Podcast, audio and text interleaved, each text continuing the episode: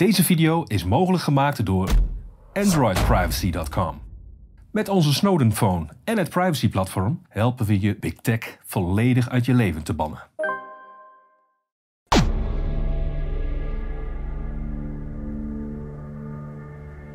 Welkom bij Café Schmerz. Ik heb vandaag aan tafel de James Bond onder de digitale transformatie. Ken van Ierland, oprichter Future XL en heeft al 45 jaar ervaring in digitale transformatie. Vorige keer hebben we het gehad over wat is nou digitale transformatie. In deze serie willen we het graag hebben over de financiële kant ervan. Want je kan met data ontzettend veel waarde creëren. Maar als je het niet goed doet, kan je juist ook weer waardedestructief zijn. Ken, als allereerst natuurlijk eventjes teruggrijpend op de vorige keer, digitale transformatie. In het kort, even samengevat, als startpunt. Wat is het? In een paar zinnen. Digitale transformatie is de exploratie en de exploitatie van data om tot waarde te kunnen komen, dus waardecreatie kunnen komen. Uh, het is een holistisch vraagstuk waarbij het gaat over wie en wat wil je zijn over vier, vijf jaar. Dus de continuïteit van je onderneming. Dat je er ambitieus in bent, dat je weet dat het een disruptief onderwerp is.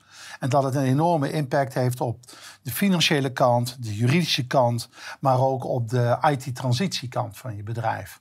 Dus het is, geen meta, het is geen transformatie, maar het is eigenlijk veel meer een metamorfose. Een metamorfose. Ja. en transformeren, en daar gaan we het vandaag over hebben. Ja dames en heren, transformeren kost geld. Ja. En daar gaan we het over hebben. Ja. Van hoe doe je dat nou vanuit een bedrijfseconomisch perspectief? Hmm.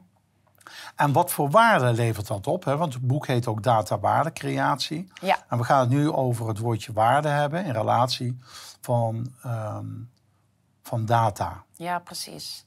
Ja, en in je boek zeg je heel mooi, hè, begin je met waarom nu? We hebben natuurlijk gezien dat bijvoorbeeld een VD uh, heel log wordt en de tijd niet meer kan bijbenen. Covid heeft plaatsgevonden. Ik heb het idee dat consumenten sneller die transformatie omarmen dan de producent. Dus eigenlijk de grote monopolisten lopen achter de feiten aan met die grote IT-legacies die ontzettend duur zijn. Ehm, ja, hoe, hoe ga je dan in godsnaam nog waarde creëren? Ik vind het heel interessant wat je daar zegt. Hè? Want je hebt het over het verschil tussen het producenten- en het consumentensurplus. Ja. Hè? Daar, daar heb je het over. Dus consumenten zijn natuurlijk die hele dure uh, abonnementen of, of, platformen zat. Die willen gewoon snelheid. Dus die gaan voor gemak, snelheid en goedkoop. Ja, dus, dus eh, daar zitten een aantal elementen in. Hè? Dat we even beginnen bij het begin. We hebben een economie opgebouwd na de Tweede Wereldoorlog die gebaseerd was op het producentensurplus.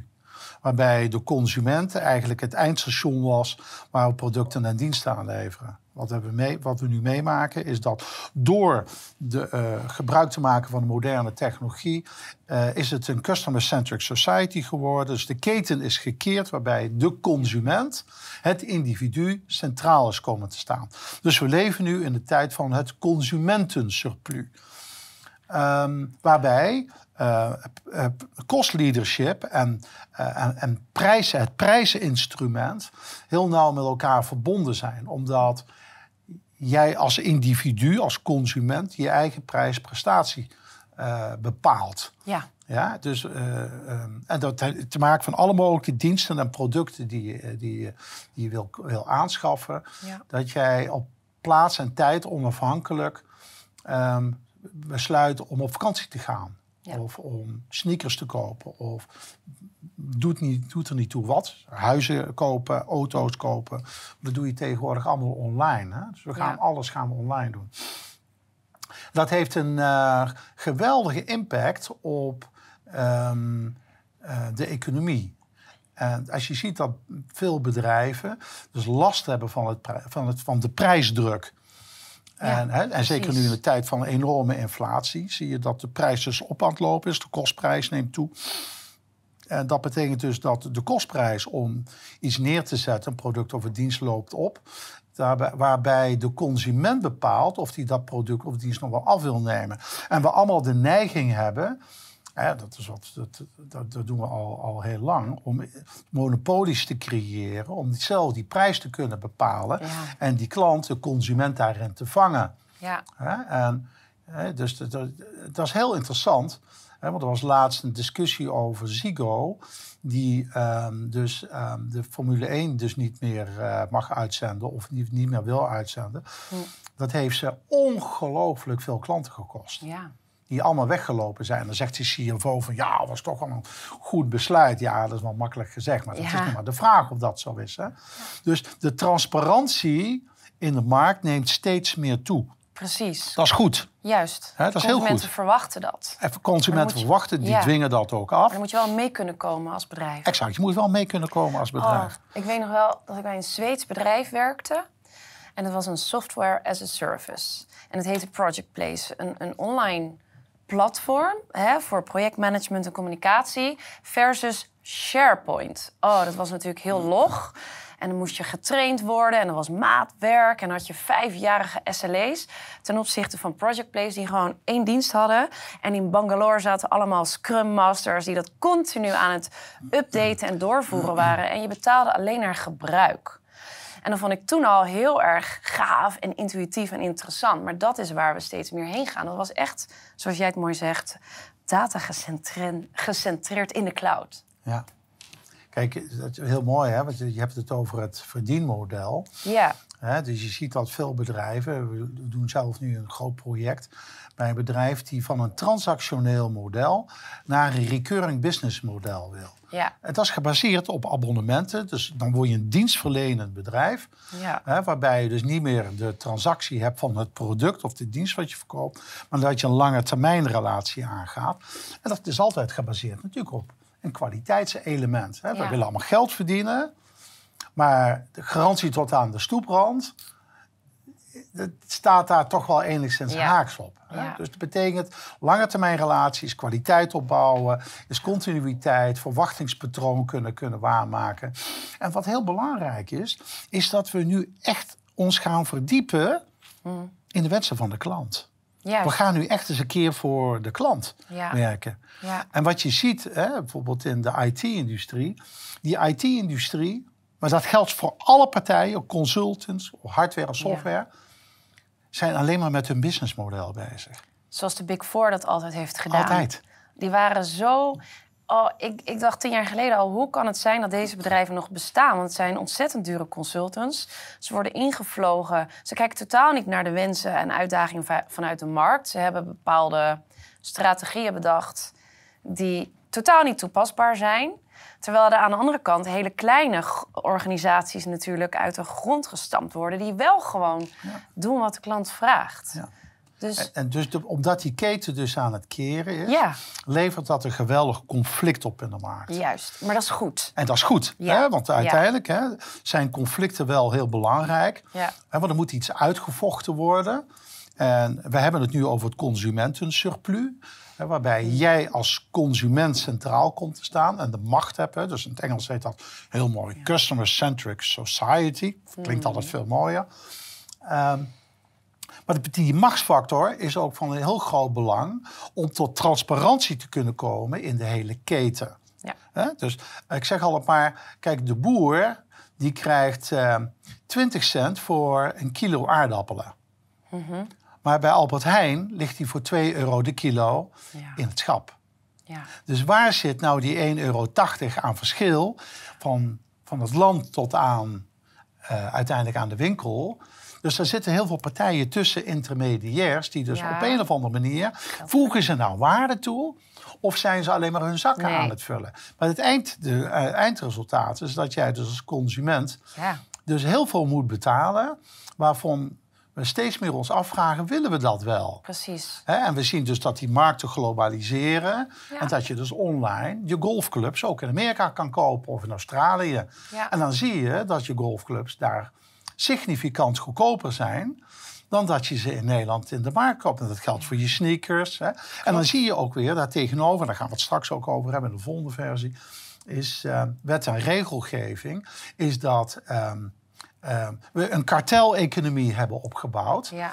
Hè, met vaste boekenprijzen, vaste kapperprijzen, vaste, uh, vaste broodprijzen, melkprijzen, taxiprijzen. Dat we alles gekarteliseerd hebben Ja. om die monopolies in stand te houden. En de overheid werkt daar heel ernstig aan mee. Ja. En die strijd, die wordt steeds groter. hè, Want Ja. het ook gaat altijd over de planeconomie. Dus alle initiatieven die in Brussel genomen worden vanuit de EU, gedreven door, eh, door de WEF. Ja? Ja. Waarbij we st- steeds meer proberen voor te sorteren op planeconomie. Aan de andere kant, en daar ben ik een, eh, een voorstander van, is het, dus het entrepreneurship. Ja. Het individu. En daar gaan we het vandaag over hebben. Ja. Is dat het woordje waarde, dus de bedrijfseconomische kant, Hmm. een hele belangrijke driver is in die digitale transformatie. Ja, precies. Dus het mooie is dat steeds meer bedrijven in staat zijn hè, met data en technologie om te disrupten. En dat daagt de overheid ook uit om mee te gaan in bepaalde ja, wetgevingen aanpassen of mindsets. Dus dat maakt het wel heel erg interessant. Maar het levert veel conflict op. En ik heb natuurlijk naar Bob de Wit gekeken. Die heeft het over de Society 4.0. Ja, ja, ja. En dat sluit haarfijn aan op waar jij het nu over hebt, waarbij de burger natuurlijk ja, bepaalde initiatieven neemt om meer regionaal te produceren en te innoveren en kennis te delen en te netwerken. Hoe, wat vind je daarvan? En is dat wat je bedoelt? Ehm, ongeveer? ja, kijk, er ontstaat natuurlijk een heel groot spanningsveld Ja, eh, de planeconomie en het burgerlijke initiatief. Hè, dus eh, Ja. wij hebben een vrije markteconomie. En ik denk dat die vrije markteconomie, zeker in combinatie met ehm, de transformatie die we allemaal aan het maken zijn, hè, wat die we digitalisering Ja. noemen. Hè, wat vele partijen digitalisering noemen, wat wij zeggen van ja, maar dat is eigenlijk allemaal het automatiseren van niet geautomatiseerde processen. En dat kost heel veel geld. ja, En wat we zien Precies. is dat vanuit de planeconomie we voorsorteren op digitalisering en op heel veel kapitaal stoppen Hmm. in een onderwerp dat kapitaalsintensief is, dat Ja. kennisintensief is en bovenal heel, bovenal heel erg vluchtig. En die vluchtigheid zit dus in die technologie. Dus al die emerging technologies, Ja. die zijn bijzonder vluchtig. En dat maakt het dat het investeren in die technologie eh, heel moeilijk wordt. Sterker nog, laat het maar zo zeggen, het leidt tot Niks. negatieve rendementen. En jij noemt het moonshots, toch? Het zijn moonshots. Ja, dat, dat, dat directies van bedrijven denken: oh mijn god, we moeten hier iets mee. Dus wat doen ze? Onderaan, hè, de onderste laag van de organisatie, gaan aan de slag met productinnovaties. Er worden labs opgezet, kost alleen maar nog meer geld. En uiteindelijk levert het niks op, want ze pakken het holistisch alsnog niet goed aan. Ja, omdat ze denken dat het een IT-onderwerp is, een Ja. technologieonderwerp. Dus ze beleggen het ook bij een, eh, een, eh, iemand die, hè, die, die CIO is, of Ja. CTO is, of CDO. Maar het zijn allemaal dezelfde mensen die in een andere jasje gestoken zijn. Maar eigenlijk zijn het dezelfde soort mensen. Het zijn techneuten. En zolang directies van bedrijven denken dat dit onderwerp een technologisch onderwerp is, zit je aan de verkeerde kant van de organisatie. Precies. Want dit zijn allemaal mensen die zitten in callcenters, zijn geen lijnmanagers, resulteren 9 van de 10 keer onder een CFO en Ja. worden gezien als een kost. Ja, Maar het gaat niet over kosten alleen, het gaat hier ook over waardecreatie. klopt. Dus het gaat niet alleen over de financiële waarde van je bedrijf, maar ook over de strategische waarde van je onderneming. Nou, als je in staat bent om met emerging technologies, die allemaal data gedreven zijn, Mhm. niet alleen financiële waarde te creëren, dat is stap 1, dat is heel belangrijk. Ja. Maar veel belangrijker op termijn is je strategische waarde van je onderneming. Dat is natuurlijk strikt gekoppeld ook aan de financiële waarde, maar er zit een continuïteitselement zit erin. Ja. En dat je in staat bent om jezelf continu heruit te vinden. Hè, Er zijn bedrijven zoals General Electric, die konden dat heel erg goed. Hè, In Nederland hebben we een mooi voorbeeld als DSM, hè, die als staatsmijnen zijn begonnen. Is een groot eh, chemiebedrijf en het is nu een nutritionbedrijf geworden. Dat je ziet dat bedrijven zich opnieuw kunnen uitvinden, omdat daar bestuurders op zitten die visionair zijn, Ja. die dat onderwerp heel goed begrijpen eh, en in staat zijn om bedrijven zodanig neer te zetten dat ze financieel goed performen. juist. Ja. Ja, Als we daar nou eens bij stil blijven staan. ja. Want ze, ze investeren nu op de verkeerde manier. Ja. De financiële performance van de onderneming. Ja, Als je nou kijkt naar veel Nederlandse bedrijven en als je die afzet tegen eh, de performance van internationale bedrijven, Mm. dan zie je dat we ver achterblijven. Ik geef maar een voorbeeld. Eh, Twintig jaar geleden eh, was Apple eigenlijk min of meer failliet. Ja. Ja, die kregen een cheque van 100 miljoen van Bill Gates. En zijn daarmee dus eh, een nieuw bedrijf op gaan zetten. Weliswaar in dezelfde technologie, maar met Steve Jobs, visionair. Steve Jobs, Ja, en nieuwe producten, diensten ontwikkeld. En nu is het bedrijf, het varieert per dag, maar 2000 miljard is het bedrijf waard. Steve dus- kwam toch als eerst met de iPod. ja, De iPod, geloof en ik. daarna de iPhone. En, Juist, de iPhone, de iPad. Ja. Hij begreep namelijk wat mensen willen. ja, En hij liet zich niet beïnvloeden door concurrentie. nee. Want als je dat doet, dan blijf je alsnog hangen in wat er al is. Dat is natuurlijk een geweldige ondernemerschok met een goede Ja. visie en aanpak Ja. en durf om dat soort dingen te doen. Maar kan je je voorstellen, 2000 miljard. Dus dat is 2,5 keer het bruto nationaal product van Nederland, wat een bedrijf waard Ja. is. En dan los even van dus de, de, de, de, de, de financiële waarde, Mhm. maar ook de strategische waarde van het bedrijf is onvoorstelbaar. Nou, als je dat afzet ten opzichte van een bedrijf als Philips, wat ook een technologiebedrijf is, Ja. die al twintig jaar bezig is om te transformeren van een gediversifieerd technologieconcern nu eh, aan het voorsorteren is om op de medische technologie een, een belangrijke speler te worden in de markt. Wat heeft dat bedrijf nou aan waarde ontwikkeld in de laatste twintig jaar? We kennen ze nog steeds van de gloeilamp. Ja. En de problemen waar ze nu in zitten. Ja, Een van de elementen, ik zou het noemen, één van de elementen is waarom dat bedrijf zo weinig waarde ontwikkelt, zoals zoveel andere ondernemingen in Europa. Hè, neem bijvoorbeeld, eh, weet je wat de waarde is van Mercedes-Benz? Is, eh, het bedrijf is eh, eh, 80 miljard waard. Dat is veel geld. ja, Hè? Maar je weet wat Tesla waard is. ja. Tesla is net zoveel waard als Ja. alle automobielfabrikanten bij elkaar. Hoe Ja. komt dat nou dat bepaalde ondernemingen veel meer waard zijn ja. dan, om, dan andere ondernemingen? En als we die met elkaar vergelijken, wat, wat, wat leren we daarna waard? Ja, en Dat, eh, dat stond in je boek, dat op een gegeven moment hè, Volkswagen had gezegd... ja, maar Tesla heeft een voorsprong. Hè, waarop jij zegt, wat een onzin. Ze hebben geen voorsprong, want jullie bouwen allemaal auto's. Alleen jullie bouwen een auto met alle investeringen en financiële middelen... en dan de technische snutjes eromheen. Dus best wel egocentrisch. Waar Tesla uitgaat van cloud computing, datacentrisme. Wat wil de klant? En daar een auto omheen bouwt. Het is een hele andere mindset. Nou, Tesla is geen automobielfabrikant. Nee. Tesla is een softwarehuis die Precies. een automotive platform heeft gemaakt, dat Ja. datacentrisch is, Ja. waarmee ze in staat zijn om de kostprijs van een auto dramatisch naar beneden te brengen. Een combinatie van alle moderne technologieën, Ja. die allemaal data gedreven zijn. En daar, dus zij zijn frantic bezig om die kostprijs van batterijen en van alles wat, er, hè, wat een auto Ja. uiteindelijk maakt, om de kostprijs, de kostensurf van zo'n auto en de hele organisatie daaromheen Ja. naar beneden te krijgen. Kijk, en bestaande automobielfabrikanten zijn natuurlijk heel anders georganiseerd. Ja. A, ze zijn allemaal applicatiecentrisch Precies, in Ja. plaats van datacentrisch. in plaats van datacentrisch. Ja. Ze proberen daarop door te bouwen. Ja. Het is hetzelfde als als je op een spoorlijn zit en je dus moet innoveren met een Mm. locomotief met trein die dus achter die innovatie aanrijdt op datzelfde spoor. Ja.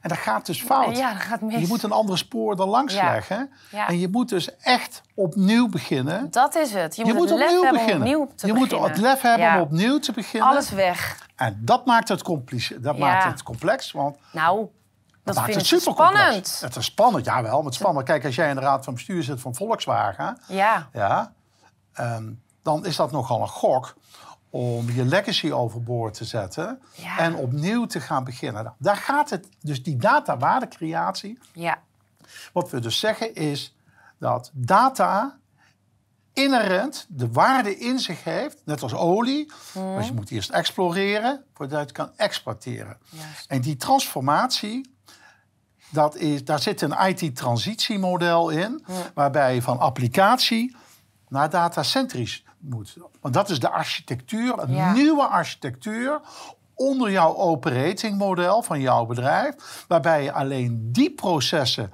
gaat mobiliseren, Ja. die waarde creëren, waar je winst mee kan maken. Ja, waarmee ook de strategische waarde van je onderneming wordt, wordt onderbouwd. Maar ook Ja. duurzaamheidselementen. Hè, voor- voordat ik de wokisten weer over me heen Oh, krijg. dat, het, dat het allemaal weer gaat over aandeelhouderswaarde. Natuurlijk is dat heel belangrijk, Ja. want een bedrijf moet winst maken, anders heeft het geen continuïteit. Ja. Anders hebben we het weer over planeconomie, want dan hoef je namelijk geen geld te verdienen en geen winst te maken, want uiteindelijk komt het geld toch allemaal weer van de overheid. Overheid, ja. Ja? Ja. Maar dus het, het, je moet geld verdienen. En hoe ga je dat nou doen? Terwijl je dus in een transitie zit van de oude wereld naar de nieuwe wereld, waar je datacentrisch moet worden. Dat is een architectuursvraagstuk, maar tegelijkertijd ook de vaardigheid gaat ontwikkelen. Dat je net als Max Verstappen, als je dus in Ja. die hele moderne datacentrische raceauto stapt, Ja. dat je ook dat ding kan besturen. Precies. En dat je per ronde een Ja. halve seconde sneller bent dan, de, dan eh, Leclerc ja? of eh Mr. Hamilton. Want die mensen die, die hebben namelijk die hebben ook allemaal datacentrische auto's. Dus in de wereld van datacentrisme is het niet gegarandeerd dat jij succesvol wordt. Je moet het Maar het is een toepassen. minimale voorwaarde Ja. dat je datacentrisch wordt. Ja. Nou, kijk, en als jij opnieuw begint als start-up en scale-up, Mm. we hebben het over gehad over Israël en we zien over Silicon Valley, dan is dat Makkelijker. Makkelijker zit het in de DNA van Ja. je bedrijf. Ja. En dan heb, kan je snelheid ontwikkelen, accelereren, versnellen. Ja. Je kan keuzes maken, je bent veel flexibeler. En tegen een hele lage cost to serve, met allemaal hele slimme mensen, kan je, dus, eh, kan, je, kan, kan je die move maken. Maar heel veel bedrijven zijn incumbents. Die bestaan al 30, 40, 50 jaar. Sommige bedrijven staan al meer dan 100 jaar. Ja. En kijk maar naar een bedrijf als Philips. Dus hoe migreer ik nou vanuit de oude wereld naar de nieuwe wereld? Hoe doe ik nou zo'n transformatie vanuit een bedrijf? Dus niet alleen technologisch, hoe financier ik dat nou? Financieel oogpunt ook. Wat betekent dat nou Ja. financieel? Ja.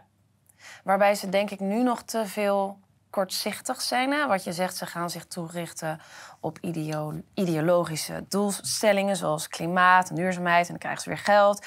Ze gaan kosten snijden. Ze gaan weer een applicatie bouwen. Maar dan krijg je allemaal applicaties met data. Ze is steeds meer versnipperd. Jij zegt in je boek van... Hè, ehm, dus ze kijken kortzichtig en ze hebben niet het level opnieuw te beginnen. Terwijl je eigenlijk inderdaad één datacentrisch iets moet hebben en dan opnieuw beginnen. Maar hoe doe je dat inderdaad als een grote logge organisatie? En hebben die überhaupt nog bestaansrecht, denk je? En gaan die überhaupt nog ja, financieel voordeel behalen in de toekomst? Nou ja, ze hebben geen bestaansrecht als ze door blijven gaan waar ze nu mee bezig Ja. zijn. Want dan krijg je wat je kreeg. Ja, Ja? precies. Eh, dat is het dilemma waar natuurlijk veel commissarissen, eh, raden van bestuur mee Ja. zitten. Van wat ga ik nu doen? Hoe doe ik dat nou? En, dat, en, en dan, dan zeg ik, ja, we moeten gaan digitaliseren. En dan zeg ik, Ja. is dat zo? Is dat zo? Hè? Eh, en hoe doe je dat dan? Ja. En dan zit je met directies, hè, van deze week ook weer met de directie rond de tafel. En die hadden toevallig het boek gelezen, dat was heel erg leuk. Oh, wat goed. En, ehm, en die hadden dus opgeschreven hun hele strategie vanuit de optiek van het boek. Ja, En wat bleek uit die discussie? Dat ze ehm, dat heel goed begrepen. Dus de woorden goed begrepen, maar het niet konden omzetten in de daden van hun bedrijf. Omdat je las uit de strategieverhaal. Ja, maar je bent gewoon weer digitale transformatie 1.0 aan het doen. Je zit nog steeds op dat ene spoor. ja. Want ja, we gaan nu investeren in ERP. Oh, we gaan investeren Ja, in dus weer digital meer apps. CRM. Dus weer meer Ja. apps, weer applicaties. Dat hebben ze je boek niet goed gelezen, Ken. nou, nou, ze hebben het wel goed. Nou, ik ben al blij dat ze het gelezen hebben. ja, Maar die vertaalslag, dat komt. Die, waarom maken ze die vertaalslag niet goed. niet goed? Ja, Omdat wij zo geprogrammeerd zijn. Polderen. Om te polderen nou, bijvoorbeeld. Nou, nou, of- het, het, het is nog wel primairder. Het heeft te maken dat met ons onderwijs en al 50, 60 jaar wij in processen denken. Mm. We denken dat we alles in processen moeten gieten en vervolgens maken we daar IT-functies van. En dat zijn apps. precies. Ja, en we begrijpen niet, en we denken dat de waarde zit in app- applicaties, maar daar zit de waarde niet. De waarde zit in data. En gezien wat we verleden keer al gezegd hadden, maar 12% is van de data, hè, van de gestructureerde metadata. Dus dat die dus de waarde creëert. Maar dan heb je dat schone bronwater. Wat ga je daar nou mee doen? Ja. Eh, en dan moet je daar een platform op gaan ontwikkelen. Dus je operating model. Die alleen die functionaliteiten gaat, uiteindelijk gaat faciliteren. Die leiden tot waarde. Waarde. Financiële waarde, Ja. strategische waarde van Ja. je bedrijf. Ja. Maar het zit dus echt diep. Het dus zit we diep. willen wel, maar we weten nog steeds niet hoe. Hoe? Ja, dus ik ben ervan Ja. overtuigd dat heel veel bestuurders wel willen. Ja. Daar ook serieus mee bezig zijn. Maar eh, door adviseurs... Ja.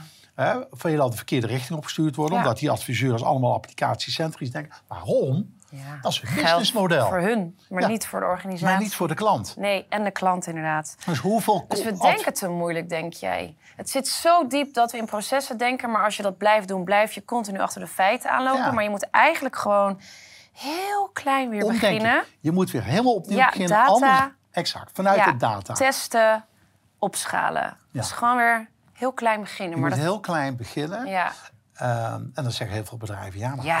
mijn business eh, going concern.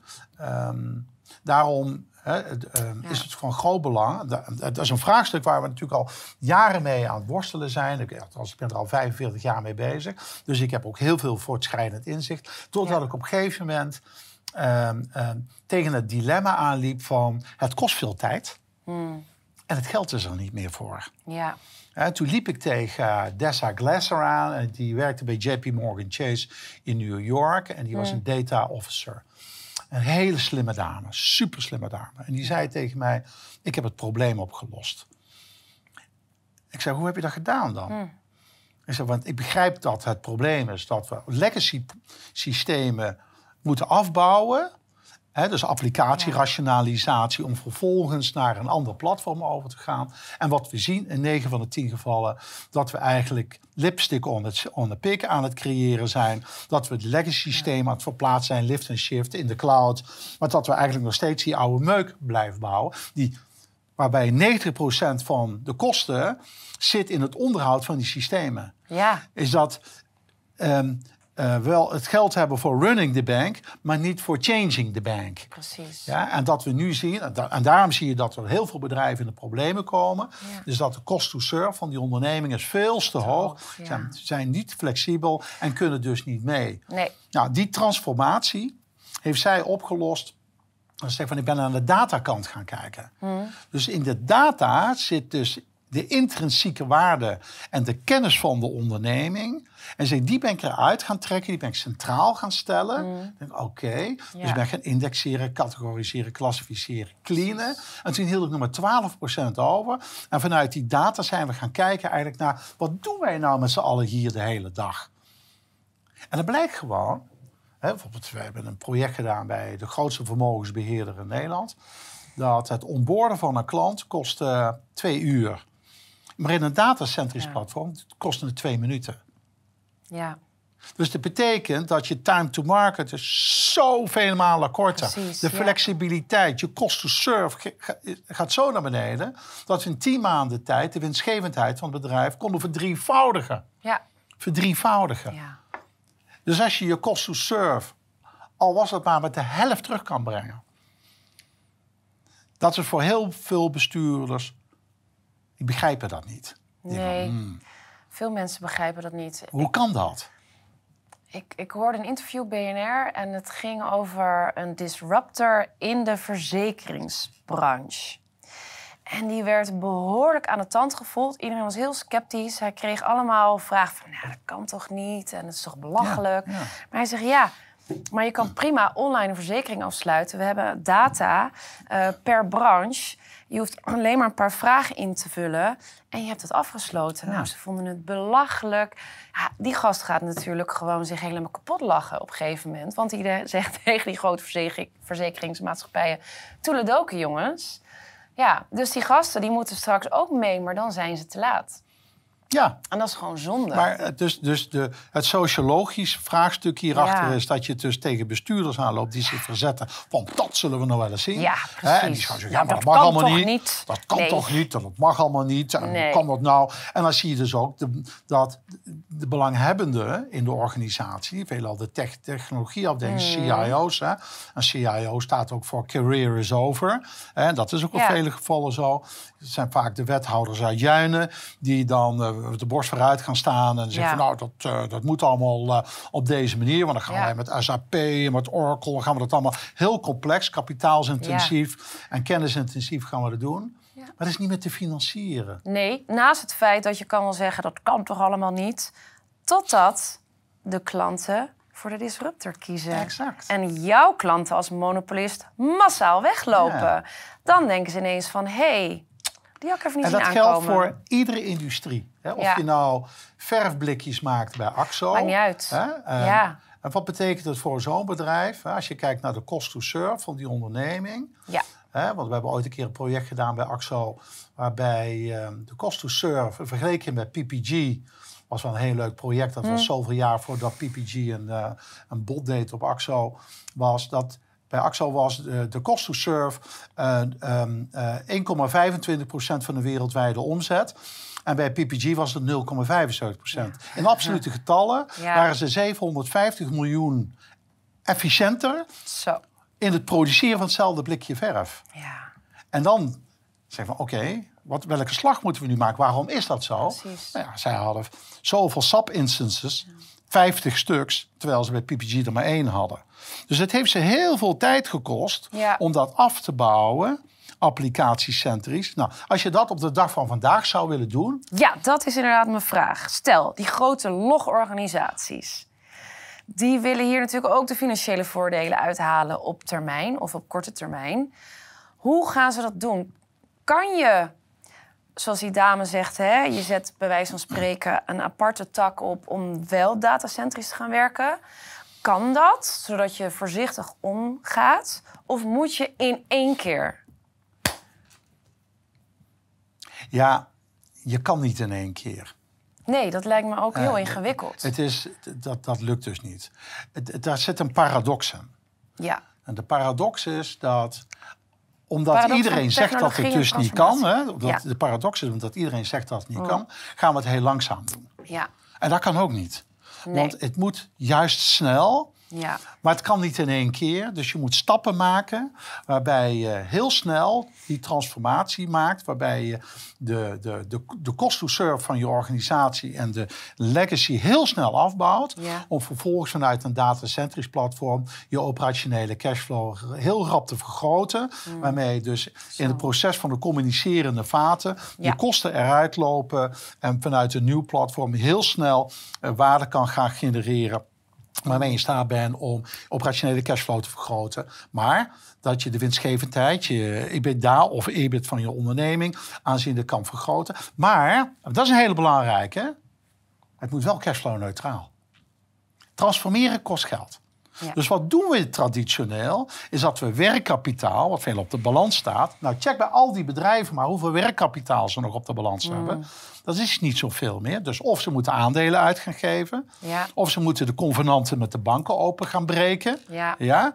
Of ze gaan heel veel mensen ontslaan om de, kost, de kosten naar beneden te duwen. of weer een applicatie. Of je gaat vanuit de data, ga je die transformatie opzetten, die Ja. zelffinancierend is, omdat blijkt dat- dat 86% van alle applicaties niet bijdragen aan de onderneming, dus ook de Nee. daarbovenliggende processen, dat 88% van de data dus eh, ballast is in jouw organisatie. Ja. Dat Als je dat allemaal, dat leidt tot processen en complexiteit die die als een sneeuwbal je maar achter je aan blijft duwen, of voor je uit blijft duwen. Ja, niet dus achter moet je vanaf. En daar moet je dus Ja. vanaf. Hoe doe je dat nou? Ja. Daar gaan we het in de technologie, IT-transitiestuk over hebben. Ja. Waar ik het nu over wil hebben is in de wisselwerking daarvan. Hmm. Moet je bedrijf, vanuit een bedrijfseconomische optiek moet je daar keuzes in gaan maken. A, Ja. het moet cashflow neutraal gebeuren. Ja, Ja?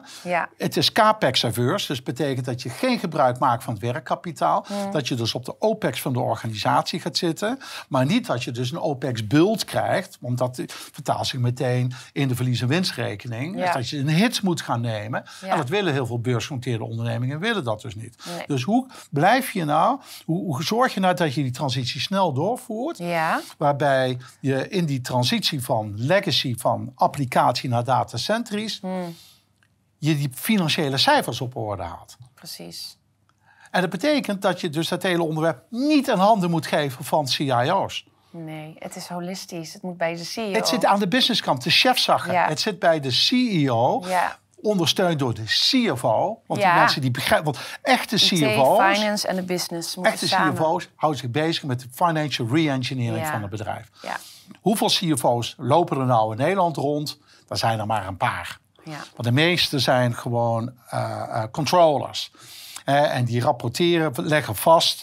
En, en zijn dus niet bezig met de financial re-engineering. Hoe kan ik op een slimme manier dit bedrijf in de transitie brengen en engineeren? Nou, de grote onderneming, de Axo's, daar werken dus echte CFO's. Mensen die dus dit, dit vakgebied ook verstaan. Alleen ze moeten geholpen worden van hoe re-engineer ik nou zo'n proces? ja. Zo'n transformatie van dit bedrijf Welke op keuzes manier, maak ik? Welke keuzes maak ik daarbij ik mijn financiële ratio's op orde hou. En Ja. wat we nu zien in alle analyses die we gedaan hebben eh, op Nijrode, eh, waarbij al die casussen voorbij hebben laten gaan, is dat we zien dat we allemaal voorsorteerden op eh, digital CRM, ERP-achtige implementaties en, en noem maar op. Ja. En die allemaal toe leiden dat return on capital employed dus dramatisch naar, eh, eh, eh, naar beneden ging. Terwijl we wilden dat de return omhoog ging. Ja. Dat de kostensurf naar beneden zou gaan, omhoog ging. Dat we zagen dat de, de, de omzet naar beneden ging in plaats van omhoog. Dat de winstgevendheid, de EBITDA, naar beneden ging in plaats van omhoog. Doordat we massaal capex gingen investeren in IT-projecten. Zo, Bang! ademhalen. En denk van, Ja. oké, ja, hoe komt dat nou? ja, En wat wil je dan? ja. En daarom hebben we dat ook dat boek geschreven. Omdat Ja. het hele economische model, wat zit achter die digitale transformatie 4.0, Ja. is niet gebaseerd op IT, is gebaseerd op businessdenken. Precies. En IT is in die zin een hinderpaal op dit moment. Een supergrote hinderpaal. Dus jij zegt CEO's keuzes maken, experimenteren, datacentrisch werken, waarde creëren voor je klant, want 90% van de bedrijven kent zijn of haar klant niet eens. En Ja. dan opschalen. Ja. En dan, Ja, dus de, wij lopen tegen bestuurders case. aan, hè, dus die, die hebben het boek Ja. gelezen en die zeggen van oké, waar begin ik nou, hoe doe ik dat? ja, En ze we gaan een ander spoor, gaan we er langs leggen. Daarnaast dus dat leggen. kan. Ja. Daarnaast leggen. Ik kom uit Brabant, dan zeggen ze langs in plaats van naast. ja, maf hè? Ik Ehm, geef je. Ehm, ehm, dus het spoor wat je daarnaast legt is in wezen het, dat datacentrisch operating model. Ja, ja. Waarmee je in staat bent om je operationele cashflow te vergroten. Ja. eh, waarmee je uiteindelijk ook de winstgevendheid van je bedrijf kan verbeteren. Maar ook de strategische waarde van je bedrijf kan vergroten. En want we hebben het heel lang over de financiële waarde. Maar blijkt nu dat als jij een datacentrisch operating model hebt. Hmm. En je jaagt daar cashflow overheen. Heel interessant. Dan zie je dat de onderliggende balanswaarde van die onderneming exponentieel toeneemt. Ja, Dat Precies. brengt meteen een conflict. Omdat de accountants zeggen, ja maar hoe, hoe ga ik dat nou uiteindelijk op de balans verantwoorden? Ja. Ga ik die data kan ik niet zomaar op de balans eh, zetten? Hoe ga ik dat nou waarderen?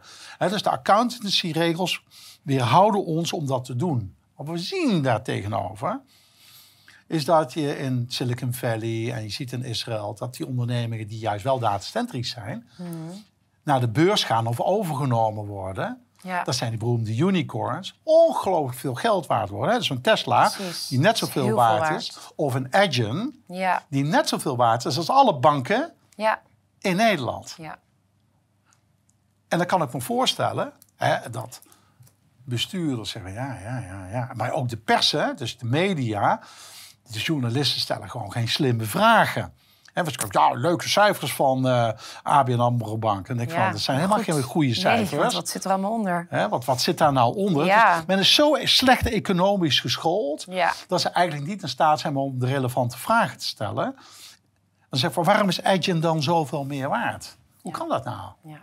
Omdat de strategische waarde van Edgen vele malen groter is dan van al die uh, logge banken. Ja, dus dat is eigenlijk de les van vandaag. Het gaat om die bewustzijn, om op die manier waarde te creëren. Anders dan wat ze gewend zijn al decennia lang. Maar het begint weer vooraan. Hè? Wat hebben wij gezegd in de vorige uitzending? Wie en wat wil u zijn over vier, vijf jaar? Wat is uw ambitie? Ja. En ik had van de week een ondernemer en die zei... wij gaan onze omzet maal vijf doen. Maar waarom gaat het over de ambitie van de organisatie? Waarom niet over het centraal stellen van de klant?